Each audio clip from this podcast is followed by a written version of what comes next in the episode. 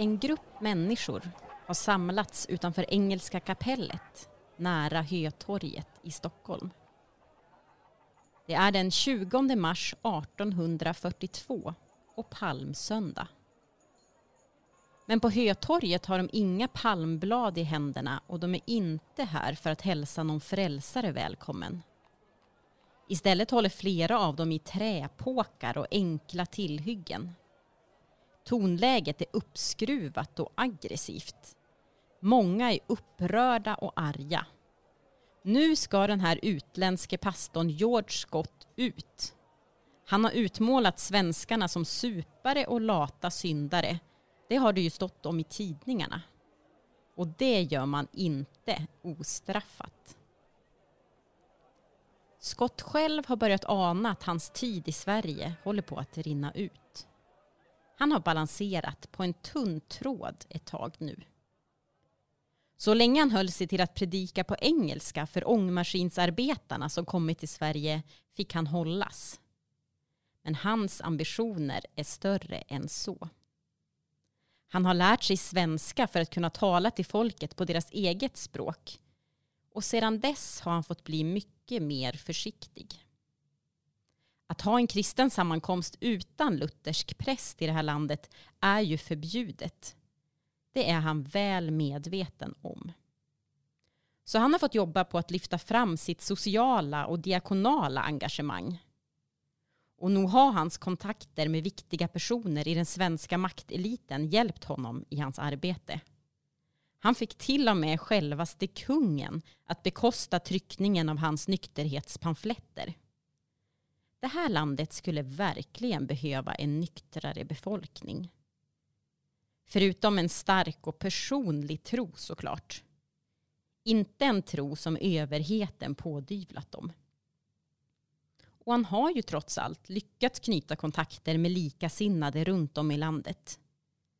Kanske har han lyckats få bollen i rullning och satt igång något nytt. Men nu verkar det som att hans arbete här har kommit till vägs ände. Ute på gatan har fler och fler människor anslutit sig. Till slut stormar de kyrkan. George Scott, metodistpastorn från Skottland, som i detta skede är helt omedveten om vilken betydelse han kommer att ha för utvecklingen av den svenska frikyrkorörelsen, lämnar Sverige för gott.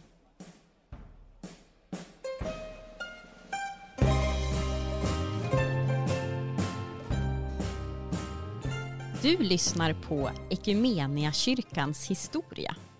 Podden där du får lära känna tre frikyrkosamfund som på olika sätt har varit banbrytande i det moderna Sverige.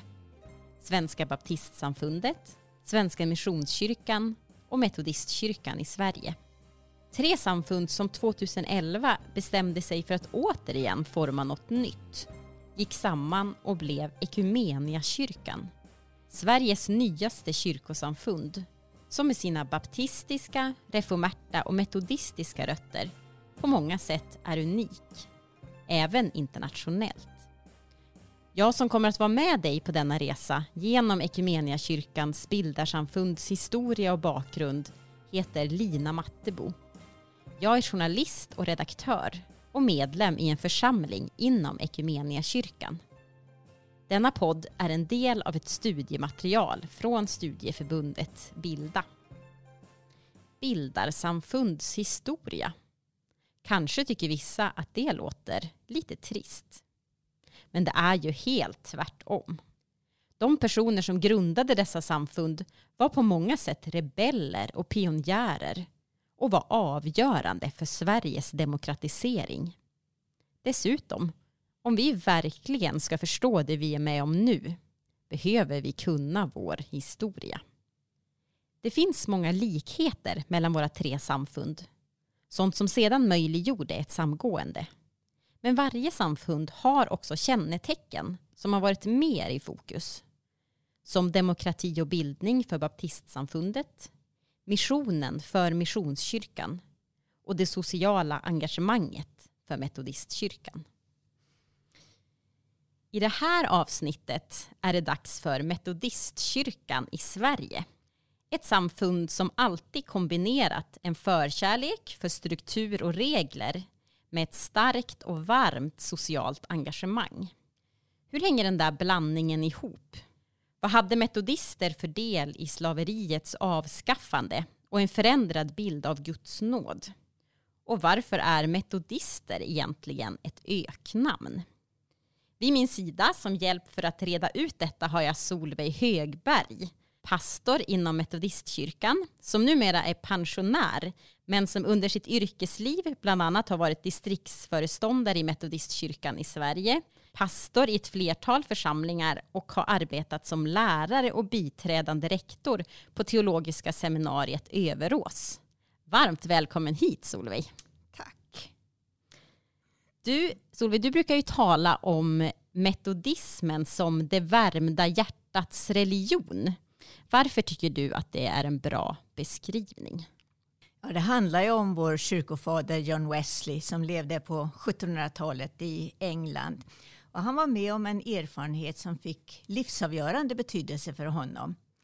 Han var präst i anglikanska kyrkan. Han var väldigt nitisk både när det gällde det inre andliga livet och de yttre praktiska konsekvenserna som det fick. Men han kände att det var någonting som fattades i hans liv, i hans tro. Han hade mött andra kristna som hade en helt annan glöd än vad han hade. Och så skriver han i sin dagbok vid ett tillfälle. På kvällen den 24 maj 1738 gick jag mycket ovilligt till en samling på Aldersgate Street i London där man läste Luthers företal till Romarbrevet. Omkring kvart före nio när det lästes om den förvandling som Gud verkar i en människas hjärta genom Jesus Kristus kände jag mitt hjärta förunderligt varmt. Jag kände att jag förtröstade på Kristus och på Kristus alena. Det var där och då som det värmda hjärtats religion föddes. Ja, vad kul att få höra ett utdrag ur hans dagbok sådär. Och att han motvilligt gick ja, dit. Precis, ja. Men eh, på tal om namn då, så är ju metodister, om jag har förstått det rätt, egentligen ett öknamn. Kan du berätta om hur det namnet uppkom? Ja, det var så att John Wesley han hade samlat runt omkring sig en grupp studentkamrater när han var i Oxford. Och meningen var att man skulle läsa Bibeln tillsammans. Men ganska snart så blev olika sociala och diakonala initiativ viktiga. Och det fanns en väldigt sträng struktur och ordning i deras liv och deras sätt att leva. Och det här det möttes av en hel del hån. Och man gav dem olika öknamn. Och ganska fantastiska, bland annat bibelmalar, överloppsgärningsherrar. Överloppsgärningsherrar? Ja, och så metodister. Och Wesleyan tyckte att metodist, det beskrev dem väldigt bra. Han ville ju att deras sätt att leva ut tron skulle vara metodiskt. Men han valde det ordet, eller det namnet på rörelsen också, därför att det anknöt till det grekiska ordet methodos, mm vägens folk. Och det var ju det som de första kristna kallades. Så det tyckte han, det passade dem också. Just det, så det berättar två saker egentligen. Vad mm. spännande mm. att något som blev ett öknamn sen har man valt själv att behålla Precis, liksom, för ja. att beskriva sig. Ja. Men vad, vad, känner, vad, tycker du då? Känner du igen dig i, i det? Du som har liksom tillbringat så stor del av ditt liv i Metodistkyrkan. Tycker du att metodister liksom är extra metodiska, organiserade och strukturerade och så? jag känner mig väldigt hemma i det. Sen är det mm. klart att jag har väl inte så lätt att eh, jämföra med andra. Hur det hade varit annars? Men jag känner ju att det är en tillgång att få tillhört en kyrka med en genomtänkt och fastgrundad, genomarbetad och koncentrerad eh, bibelcentrerad teologi. Och också kyrkoordning och organisationen har ju varit sån. Det betyder ju inte att eh, eh jag tar allt så, utan min tro måste ju vara personlig. Men jag är inte utlämnad till mig själv att tolka Bibeln och att eh, formulera min teologi. Just det, fint. Vi ska återkomma till John Wesley senare. Men först tänkte jag att vi ska prata om den person som tog metodismen till Sverige. Nämligen den skotske metodistpastorn George Scott som vi hörde om i inledningsberättelsen. Och han blev hitbjuden till Sverige av den brittiska industrimannen Samuel Owen som ville ha en predikant och själasörjare för sin egen familj och för arbetarna i hans ångmaskinsfabrik när de hade kommit till det här nya landet. Men det visade sig ju eh, att många fler ville lyssna på den vältalige George Scott. Så många att Sveriges första frikyrkobyggnad byggdes så att han kunde predika där. Den kallades alltså för Engelska kapellet och låg nära Hötorget i Stockholm. Och den här kyrkan den invigdes redan 1840 då det fortfarande var olagligt att ha bönemöten i andra lokaler än i Svenska kyrkan och utan en luthersk präst. Så hur lyckades egentligen med George Scott med detta, Solveig? Det första det var ju att han predikade på engelska. Eh, men, eh, och det sägs att eh, det var många svenskar, kanske framförallt i societeten, som lärde sig engelska för att höra hans predikningar. Mm. Men var det någonting annorlunda? Han fick predika för att han predikade ja. på engelska då? Mm. Men sen när han fick tillstånd, han ansökte om tillstånd att bygga Engelska kapellet. Mm. Och då ansökte han också om tillstånd att predika på svenska. Okay. Och det fick han göra Eh, även om det inte var oemotsagt. Men han fick tillstånd att mm -hmm. göra det. Och det berodde nog främst på att eh, katolska kyrkan fanns i Sverige. Och där hade man rätt att predika på svenska. Mm -hmm. Och då så tror jag att man var rädd för att om inte George Scott skulle få predika på svenska så skulle katolska kyrkan kanske mista de förmåner som de hade.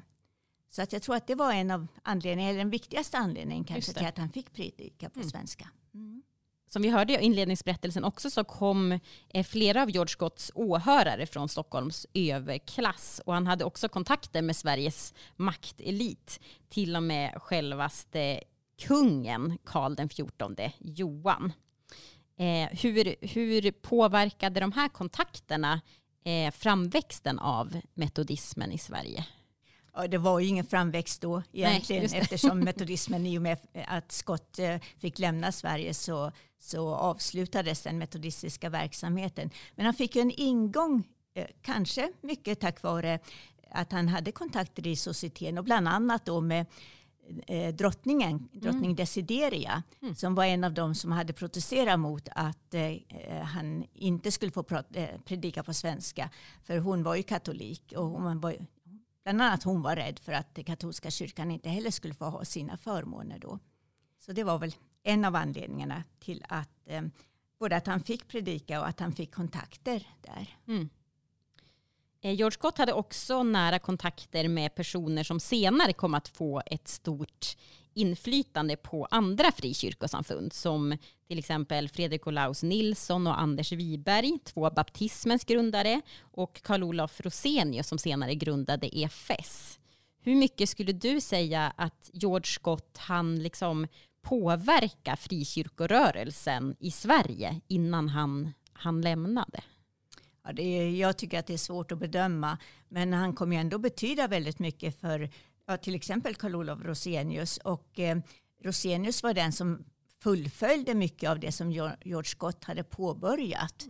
Och det var ju också han som, även om Engelska kapellet stängdes när eh, George Scott lämnade Sverige, så öppnades det ungefär tio år senare. Och då blev det Rosenius predikoplats och eh, också kyrkan för den eh, begynnande EFS-rörelsen, Evangeliska Fostransstiftelsen. Man bytte namn till Betlehemskyrkan då och fanns kvar där. EFS fanns kvar där till 1958 när mm. kyrkan revs. Och han hade också kontakt med F.O. Nilsson och eh, Anders Wiberg som du sa. Och jag tror att eh, det är svårt att veta, för mig att veta vad han betydde för dem. Men jag tror att han kunde ge dem lite råg i ryggen mm. i alla fall och fortsätta. I och med de tillstånd han hade och att predika och så, så kunde säkert de också få möjlighet att fortsätta inte de heller oemotsagda naturligtvis. Nej, precis, exakt. Det var ju många som vi har konstaterat som ville lyssna på George Scott, men det växtes ju också starka protester mot honom. Eh, och efter tolv år i Sverige då så behövde ju George Scott alltså fly från Sverige. Och som du sa så i och med det här så tar liksom metodismen en liten omväg kan man säga för intåget i Sverige. För när George Scott blev utvisad så fortsatte ju andra frikyrkorörelser att växa som baptismen. Men metodismen kom tillbaka på allvar först eh, några decennier senare på 1860-talet, men då genom svenska sjömän som kom från USA där de hade mött metodismen eh, där. Så de första metodistiska församlingarna i Sverige bildades 1868. Men Solveig, vad tror du det var liksom då, vid den här andra vågen, eller vad man ska säga, som lockade människor till metodismen i Sverige? Ja, det var ju så att eh, det var svenska sjömän som mötte metodismen i, eh, på beteskeppet John Wesley, som det mm -hmm. hette, i New Yorks hamn. Och där arbetade svensken Olof Gustav Hedström. Och han hade blivit metodistpastor när han var i Amerika. Och han mötte då med väldigt stor energi de här inkommande fartygen och han bjöd till gudstjänst och han hjälpte på många sätt både sjömän och invandrare. Och på den här tiden så låg ju skeppen ganska länge i hamn och en del blev ju till och med infrusna där under vintern. Så möjligheten att möta andra svenskar och möta vad ska man kalla sjömansmissionen på Betelskeppet, det betyder ju väldigt mycket. Och där fick de här svenskarna, då, de svenska sjömännen, de fick del av det metodistiska budskapet. Och när de sen kom hem till Sverige igen så ville man ju dela med sig av det man hade upplevt i Amerika. Och då fanns ju ingen tanke på att man skulle starta församlingar. För eh, det här var på 1840 och 50-talen. Men ganska snart, så precis som du sa, så kommer ändå församlingar att bildas. Och de första bildades 1868. Och det var ju i hamnstäderna eftersom sjömännen hade kommit tillbaka dit. Och sen så 1876 så var det 1200 metodister som utträdde ur Svenska kyrkan. Och det hade man då fått möjlighet att göra tack vare dissenterlagarna och dissenterlagarna de gav svenskar rätt att lämna Svenska kyrkan om man gick in i ett annat av staten godkänt samfund. Och det blev alltså, som det hette då, Metodist episkopalkyrkan 1876. Okay. Och då grundades Metodistkyrkan som en fri och självständig kyrka. Och en sak som det betydde det var ju att Metodistkyrkan fick vigselrätt då. Just det. Ja, förutom metodistkyrkan så var det ju framförallt katolska kyrkan och judendomen som var så kallade främmande trosamfund i Sverige på Just den det. tiden. Du sa att först under 40 och 50-talet så hade de ingen tanke på att starta ett samfund. Men att sen på 60-talet ändrades någonting. Vad var, det som, vad var det som gjorde, tror du, att de ändå kände att de ville starta ett eget samfund? Liksom?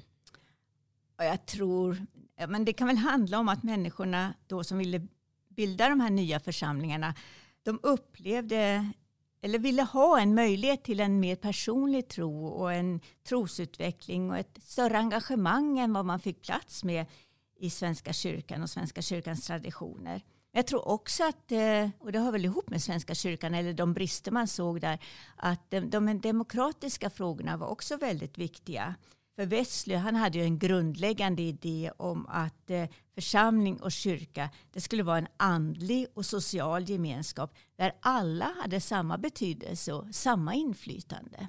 Och jag tänker att det här fick man inte riktigt utrymme för. Och jag tänker också att på må många gånger och på många ställen så handlar det väl just om att man ville ha en mer levande, ett mer levande sätt att vara kristen på än vad man kände att man fick utrymme för i Svenska kyrkan. Du nämnde ju också där eh, något som är spännande tycker jag, att, att metodistkyrkan var som första frikyrkan blev liksom erkänt trossamfund från staten och då fick liksom ha vigslar och begravningar och eh, döpa och så. Och det var ju redan 1876 medan mm. andra frikyrkosamfund, om jag förstått det rätt, fick vänta ända till 1951 då det kom en ny religionsfrihetslag. Ja. Vad, vad, var det som var att just liksom metodistkyrkan fick det här så mycket tidigare än de andra eh, frikyrkosamfunden?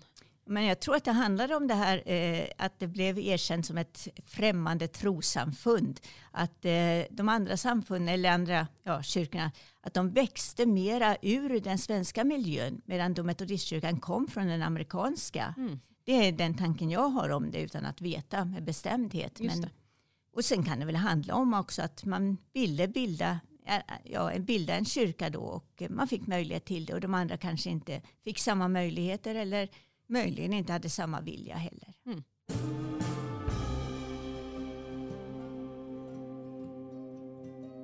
Nu tänker jag att vi backar tillbaka bandet lite till eh, John Wesley då som vi har nämnt vid flera tillfällen i Storbritannien på 1700-talet som ju är metodismens grundare. Och han och hans bror eh, Charles som du nämnde eh, tyckte att det behövdes en förnyelserörelse inom den anglikanska kyrkan i Storbritannien. Vad var det som de inte var nöjda med? Vad var det som de eh, ville skulle förändras? Ja, jag tror att det handlade mycket om samma saker som i Sverige. Mm. Att man ville få möjlighet till att en levande kyrka på, samma, på ett annat sätt. Nu ville ju inte John Wesley lämna anglikanska kyrkan, men han ville ju göra den mer levande. Så att, eh, jag tror att det var det främsta skälet till det egentligen. Fanns det, hur såg det liksom ut i England på den tiden? Hur liksom hade folk det där då? Jag tänker att jag kanske först kan berätta någonting mm. om John Wesley. För hans liv fick ju betydelse och formade ju hela metodistkyrkan. Och han föddes ju då i början på 1700-talet som mm. du sa i ett anglikanskt prästhem. Och när han var sex år så inträffade en händelse som kom att få väldigt stor betydelse för honom och för många andra också. Familjen bodde då i en prästbostad i Epworth och en kväll så började det här huset brinna. Och John han låg på andra våningen tillsammans med sina syskon och sov när branden bröt ut och familjen kunde ta sig ut då. Men när de var räddare så förstod pappa Samuel att John inte fanns bland dem. Och då försökte han eh, ta sig upp på andra våningen där de låg. Eh, men trappan som han skulle upp för rasade. Så han fick lov att ta sig ut ur huset utan John. Och han föll då på knä i bön och undrade hur det här skulle gå. Mm. Och plötsligt så såg man då utifrån lille John stå i ett fönster och vinka. Och då ställde sig två män på varandras axlar och John räddades precis innan taket rasade in Oj. i huset. Vilken dramatik. Ja, mm. och dessutom var det så att den här branden var anlagd av motståndare till Oj. prästen. Men i alla fall så blev den här händelsen ett väldigt starkt tecken. Först för eh, makarna Wesley men sen också för John Wesley. Och eh, när, när jag talar om ett starkt tecken så tänker jag att det handlade om att de hade, förstod att Gud ville någonting särskilt med John. Mm. Och I Sakarja-boken och i Amos bok i Gamla Testamentet så finns det ett citat som heter En brand ryckt ur elden. Och till de här citaten så återkom John Wesley väldigt ofta. Och det var liksom att det gav honom hans identitet. Han kände sig verkligen som en brand ryckt ur elden. Mm. Och sen började han ju själv sina präststudier och han ordinerades eh, när han var 25 år och sen kom han att arbeta då som präst samtidigt som han under många år också var lärare vid universitetet i Oxford. Men det var en annan händelse som också betydde väldigt mycket för John Wesley och hans utveckling och utvecklingen av metodismen. Och ganska tidigt i sin prästtjänst så hade han då bejakat kallelsen att åka till Amerika och där skulle han då fungera som präst för utvandrande engelsmän och för indianer. Mm. Och Amerika var ju på den här tiden kolonialiserat av England. Men den här Amerikavistelsen den blev ett stort misslyckande mm. för honom. Men det hände någonting på resan över till Amerika som blev livsavgörande för honom. Och de, han mötte en grupp eh, härnhyttare på den resan. Mm. Och på seglatsen... Vad är en härnhuttare för de som inte vet? Det var en eh, tysk rörelse, en eh, kristen rörelse. Okay. Mm. Eh, och när de åkte över Atlanten, seglade över Atlanten så kom de rakt in i en ganska kraftig storm och sled, seglen slets i stycken och eh, båten var nära att gå under. Mm. Det trodde de flesta. Och alla var ju livrädda. Men inte härnhutarna. Mm. Och bland de här människorna så tyckte då Wesley att han upptäckte en tro som han inte hade men som han gärna skulle vilja ha själv. Och så samtalade han med dem. Och det som han insåg då det var att dittills så hade han strävat i sin egen kraft för att göra sig behaglig inför Gud. Men härnhutarna hjälpte honom att förstå att det handlade om att ta emot det som Gud hade gjort för honom mm. genom Jesus Kristus. Då. Och när han sen kom tillbaka till England så tog det inte lång tid innan han gjorde den här Aldersgate-upplevelsen. Han kände sitt hjärta förunderligt varmt. Och sen red han ju runt och predikade under hela sin livstid. Det var ju ofta som kyrkorna stängdes för honom. Och han hade mycket friluftsmöten och att de stängdes det berodde ju dels på att han var en kontroversiell predikant men också på att han samlade allt för stora skaror för att mm. de skulle få plats i kyrkorna. Vad var det som var kontroversiellt med honom? Vad var det han... Ja, men det var ju hela hans budskap där eh, och det sättet. Han predikar ju otroligt mycket. Han predikade någon har räknat ut att han predikade 15 gånger varje vecka, 54 år. Och det blir ju ungefär, eller drygt 42 000 predikningar under hans livstid. Och det är klart att den, att vara så intensiv i sitt predikande, mm. det var väl lite kontroversiellt. och också, han började predika första gången klockan fem på morgnarna. Okay. Och det gjorde han inför, oftast inför eh, gruvarbetare, kolgruvarbetare som då samlades. Och de var i tusentals mm. när de samlades för att höra honom. Och eh, innan de då gick in på sina skift. Men eh, John Wesley han ville ju vitalisera den anglikanska kyrkan. Fast han fortsatte hela tiden att organisera det metodistiska sällskap. Mm. Men det var först efter hans död som det blev en metodistkyrka i England. Och så avled han 1791. Mm. Men du frågade dem vad som var kännetecknande för den här nya rörelsen. Och jag tror att det handlade mycket om att eh, John Wesley, det han predikade och det han ville förmedla var att tron är personlig men inte privat. Och därför så måste den också få konsekvenser. Och eh, i de här grupperna som han samlade, där fick man ju svara på frågan hur har du det med din själ? Mm -hmm. Och man samlades då, inte kanske varje dag, men i alla fall flera gånger i veckan. Och det är också de här grupperna som, är, eh, som tolvstegsgrupperna har tagit Jaha. sin inspiration ifrån. Mm. Men, eh, jag tänker också, visst fick det, för du sa att tron skulle påverka det personliga, ja. eller hur? Ja. För, för jag tänker, eh, för jag frågade ju innan om hur det såg ut på England på den här tiden. Och, och så vitt jag har förstått så var det liksom ganska tufft för ganska ja. många människor. Och han var ju predikade för gruvarbetarna då som du berättade. Mm, mm. Eh, och många andra liksom gick ut till folket. Ja. Liksom, många som levde fattigt och hade det liksom eländigt och så. Medan, men det kanske inte var det vanligt att präster nej, gjorde det. Nej. Nej. nej men, eh, om man tar London som ett exempel eh, då. Det var ju på den här tiden en ganska liten i och för sig, även om det var Englands största stad. Men en smutsig och stinkande stad och människorna bodde i små skyffen. Mm. Man saknade ofta både sängar och möbler i rummen. Och det här var ju naturligtvis en miljö där sjukdomar grasserade och barnadödligheten var väldigt stor. Man räknar med att bara ett av fyra barn överlevde. Oj. Och epidemierna grasserade mm. naturligtvis mm. där. Och någon eh, ordnad skolundervisning det förekom inte brutaliteten och brottsligheten, den var stor. Mm. Men det som kanske ändå spelade största rollen, det var att dryckenskapen den tilltog. Mm. Och någonstans så stod det helt enkelt de enkla orden, brännvinet flödade. Just det. Och det gjorde det ju verkligen, därför att det var, man räknar med att i vart sjätte hus i London så fanns det en krog. Oj.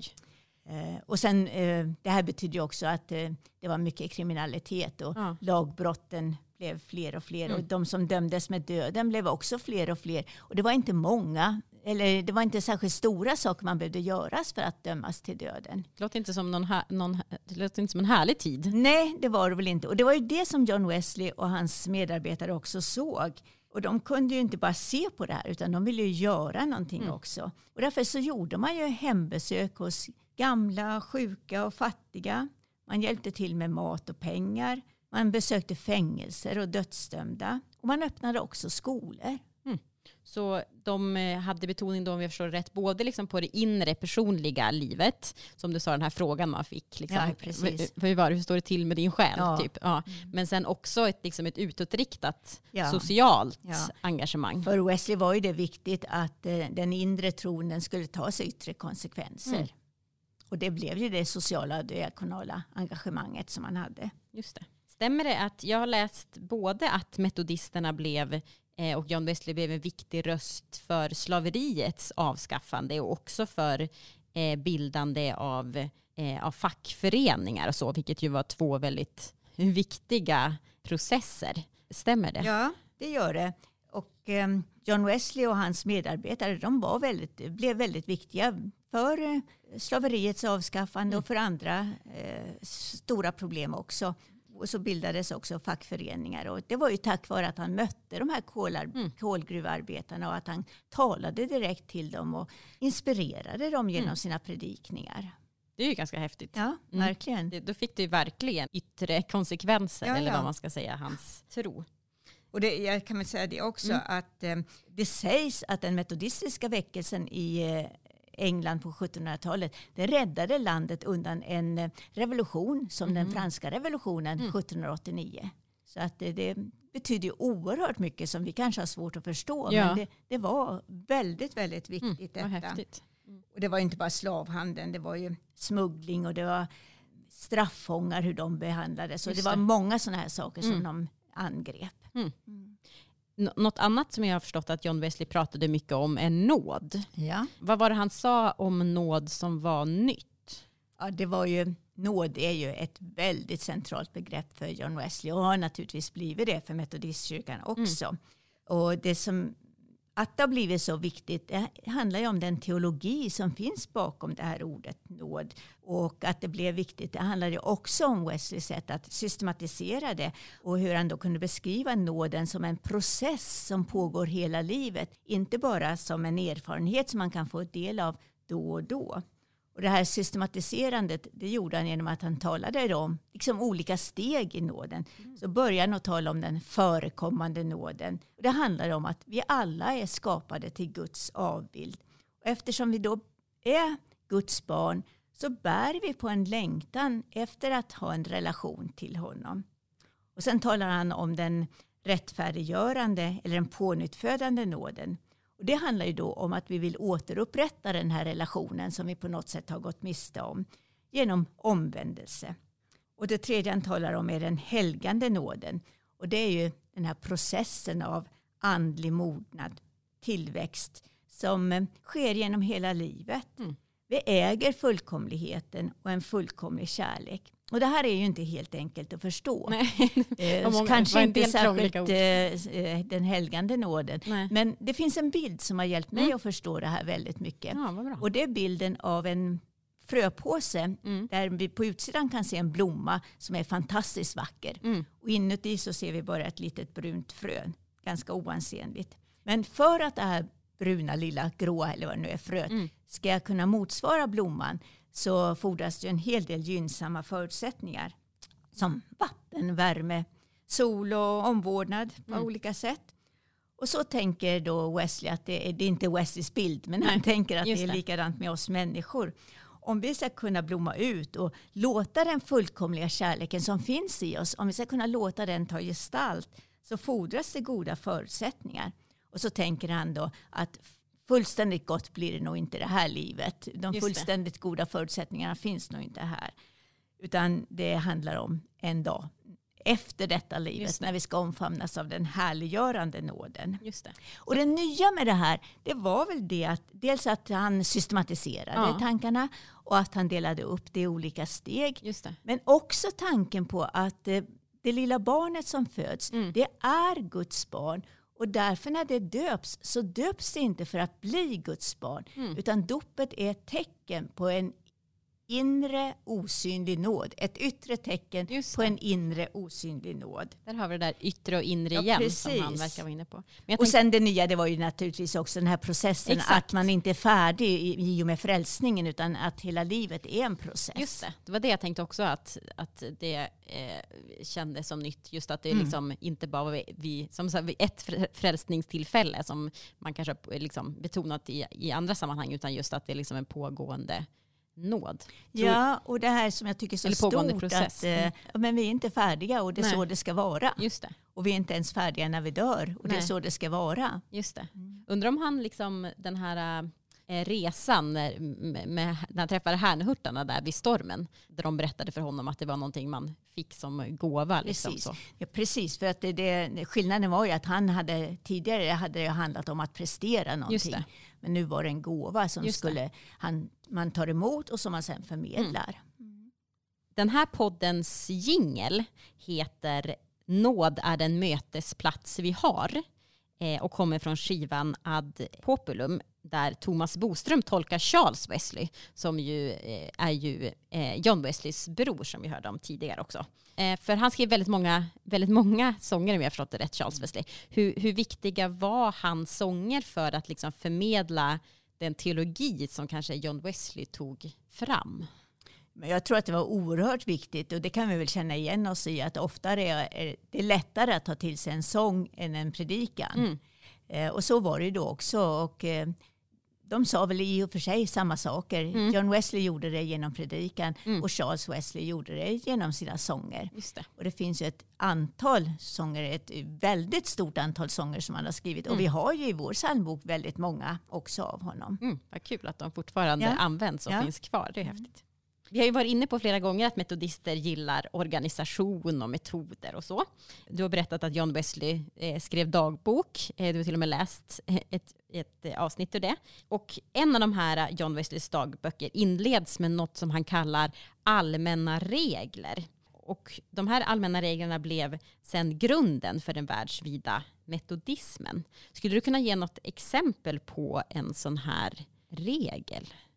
Ja, han skrev dem ju därför att eh, det var i hans grupper så fanns det en längtan efter att få regler att leva efter. Mm. Och eh, de är ganska många, men man kan sammanfatta dem i tre mm. egentligen. Och det är väldigt enkelt. Mm. Gör inte det onda, gör det goda ta emot alla Guds erbjudanden. Mm -hmm. Och Guds erbjudanden det handlar om bön och bibelläsning och nattvard okay. och så. Men det är så enkelt att ha de tre. Mm. Och egentligen behövs inga exempel då. Nej. För att eh, då blir det så småttigt om man Just tar det. några exempel. Ja. Men att hålla sig till de här tre sakerna det, det betyder ju väldigt mycket om man kan göra det. Um, är, är det här någonting som liksom är en del av metodistkyrkan fortfarande idag? De här liksom ja. tre? Mm. Ja, det är det. Dels som finns de ju naturligtvis kvar som en grund i mm. vår kyrkoordning. Just det. Men eh, när eh, metodistpastorer ordineras så får man fortfarande frågan, känner du vår kyrkas allmänna regler? Mm. Och då är ju alltså precis de samma som Wesley formulerade mm. 1739. Vill du hålla dem? Och så kommer uppmaningen, förändra inte våra regler utan håll dem. Inte för straffets skull, men för samvetets. Mm -hmm. Så, man, så, det, så, detta fick du när du ja, ja, blev, ja, Du, när du blev pastor, då fick du göra detta? Mm. Och jag, jag, tänker att eh, man kan väl säga helt enkelt att de här allmänna reglerna, de är ett hjälpmedel att vara metodos, mm. metodister, att hålla sig på vägen. Mm, just det. Den här kombinationen då inom metodistkyrkan med liksom å ena sidan struktur och regler och å andra sidan fokus på det här sociala engagemanget. Det, det kanske liksom vid en första anblick kan det se liksom lite otippat den kombinationen.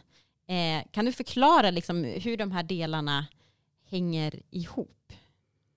Ja, eh, i vår kyrkoordning så har vi ju tio paragrafer som handlar om eh, de sociala principerna mm. och sen en elfte som är den sociala trosbekännelsen. Okay. Och det var inte John Wesley som formulerade dem, men de kom ju naturligtvis utifrån hans tankar. De formulerades först 1908. Men eh, John Wesley han tänkte ju, eller han sa att det finns ingen annan helighet än social helighet. Mm. Och därför så måste kärleken till Gud med nödvändighet leda till tjänst för medmänniskan. Och John Wesley hade ju en helhetssyn på människan och såg livet, det, varje människas liv som ett förvaltarskap inför Gud. Och därför så har vi ju fått den här sociala och diakonala traditionen och eh, alltid fäst stor vikt vid det sociala ansvaret. Och det har ju också betytt att medlemmar, inte bara på John Wesleys tid när man eh, eh var emot eh, slavhandel och så, utan mm. också i vår tid eh, har man ställt upp och tagit ansvar i kontroversiella frågor. Mm. Och de här sociala principerna de revideras ju vart fjärde år Just i generalkonferensen. Fort, och det gör de ja, fortfarande. Mm. Och det gör de ju därför att de ska vara adekvata mm. i varje nu. Mm. Och eh, i varje generalkonferens som hålls vart fjärde år för hela metodistkyrkan då, så kommer det också ut efter, efter varje generalkonferens så kommer det ut en tjock bok med resolutioner mm -hmm. som handlar om ställningstagande i olika frågor. Då. Okay. Vad kan, de här sociala principerna, bara, vi har ju pratat om dem nu, men, men kan du ge något, eller de här resolutionerna, kan du ge något konkret exempel? Vad kan det handla om, liksom de här sociala principerna? men det kan ju handla om eh, det som är aktuellt för tillfället. Mm. De exempel som du har tagit med hur det var på Wesleys tid är ju Mm. väldigt bra med slavhandel och Mm. annat. Och då fanns ju inte de sociala principerna i Nej, och för sig. nej. Men de är ett ursprung till det att se vad är behovet idag. Just det. Kanske Och om, om så miljö och klimat. finns det ja, sånt? till ja, det, fin- det finns Mm. väldigt mycket. Och jag slog upp eh, resolutionerna, jag bara bläddrade Mm. igenom boken från 2000 Mm. och kom in på de sociala principerna där. Och där står det då uppradat bland annat detta med miljön. Mm. Att vad är det vi ska titta på nu? Vad är det vi ska ta ansvar för nu? Mm. Och där fanns då flera olika aspekter på Mm. miljön. Så spännande att det finns så långa linjer, att det hålls lika aktuellt och viktigt än idag. Liksom. Mm. Du som har tillbringat så mycket tid, eller liksom ditt liv inom, inom metodistkyrkan. Eh, hur, hur har det här betoningen på det sociala engagemanget påverkat dig och, och ditt liv? Det som metodistkyrkan har gett mig det är ju en teologi som är praktisk och som jag hoppas får en synlig del i mitt liv eller en naturlig del i mitt liv. Och jag tänker att jag som pastor i mitt långa pastorsliv har predikat metodistisk teologi Mm. utan att jag alltid har varit medveten om det. Därför att den har min självklara tolkning av bibelordet och av livet. Eh, Men jag kan ju också se när jag tänker efter hur jag har predikat så har det varit mindre av textutläggningar och mera av funderingar kring hur ska de här bibelorden kunna omsättas i våra liv just nu.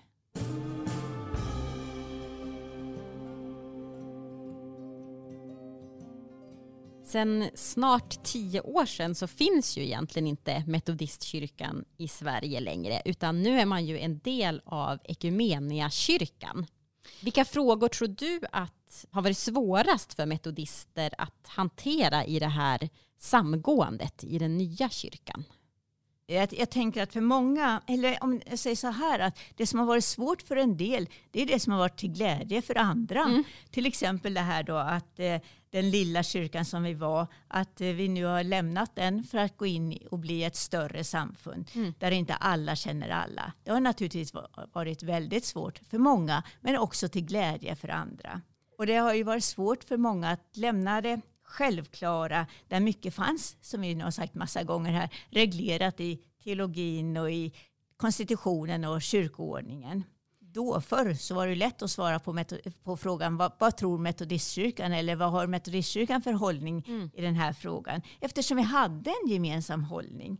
Nu är det inte lika enkelt när inte de formulerade svaren finns och kyrkan inte alltid har en gemensam hållning i olika frågor.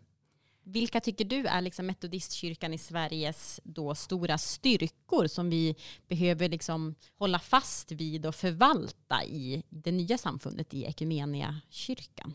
Ja, jag tänker att eh, dels så kan det handla om detta att eh, hur vi har systematiserat och konkretiserat tro och teologi och sättet att leva.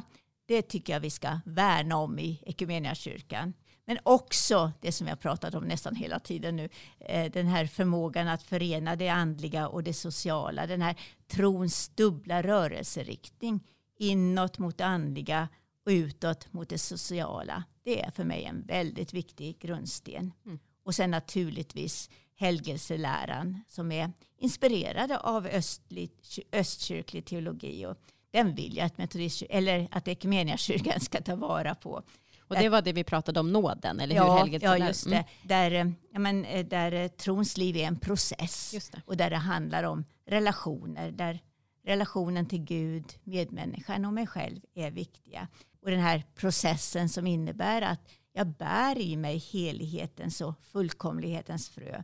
Och det kan blomma ut nu, men först och fullständigt kanske när förutsättningarna är enbart goda. Mm.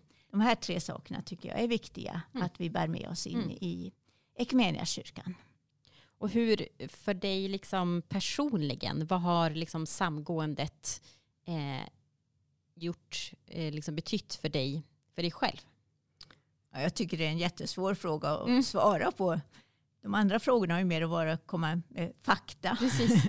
Men, eh, ja, men i en mening så har det faktiskt inte betytt särskilt mycket eftersom min främsta kallelse och uppgift har varit att vara i den lokala församlingen och där förändrades ju inte särskilt mycket Nej. när vi blev Equmeniakyrkan. Och dessutom var det ju så att jag gick i pension ganska snart efter samgåendet.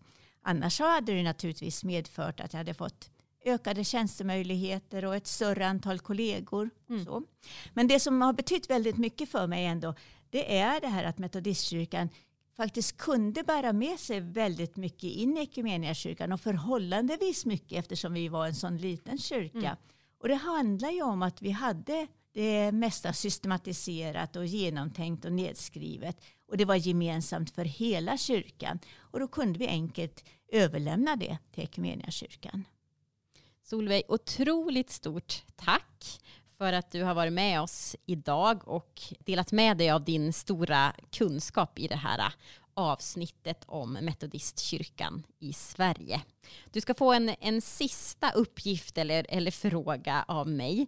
Jag önskar nämligen att du skulle utifrån det vi har liksom pratat om, eh, om du kan liksom sammanfatta den svenska metodismen i, i tre kännetecken. Vad skulle du säga då? Jag tror att det är, för mig är det det som jag sa tidigare, systematiseringen och konkretiseringen av tron. Det är det ena. Och att förena det andliga och sociala, det är det andra. Och nådens ordning och inte minst då helgelseläran, det är det tredje. Men så tänkte jag också på att eh, man skulle kunna använda John Wesleys tre upplevelser och göra dem personliga för oss. Branden som talar om att vi är utvalda och vi har en uppgift. Och stormen som handlar om att vi behöver inte kämpa i egen kraft utan få ta emot det som Jesus har gjort för oss. Och så Aldersgate som handlar om att vi kan få göra omvälvande gudsmöten som bär oss genom hela livet. Mm. Tack så jättemycket. Det finns såklart massa mer att säga om Metodistkyrkan i Sverige än vad vi har hunnit med i det här avsnittet. Jag hoppas att det har väckt frågor och tankar hos dig som har lyssnat. Tanken med den här podden är att du nu ska prata och diskutera vidare tillsammans med andra i en studiecirkel. Genom att lyssna och läsa och diskutera tillsammans hoppas vi som har jobbat med det här studiematerialet att ni ska få en fördjupad förståelse för historien men också kring vart ni är på väg. Så om du inte har bildat en studiecirkel så kan du gå in på www.bilda.nu snedstreck ekhistoria. Där finns det mer information. Eh, det finns en studieguide som ni kan använda er av som hjälper er i samtalet. Där finns också tips på böcker, artiklar, webbsidor och annat fördjupningsmaterial för dig som vill lära dig mer. Jag som har lett samtalet heter Lina Mattebo. Ljudtekniker har varit Axel Rydén. Detta avsnitt är en del av studiematerialet kyrkans historia av studieförbundet Bilda i samverkan med kyrkan.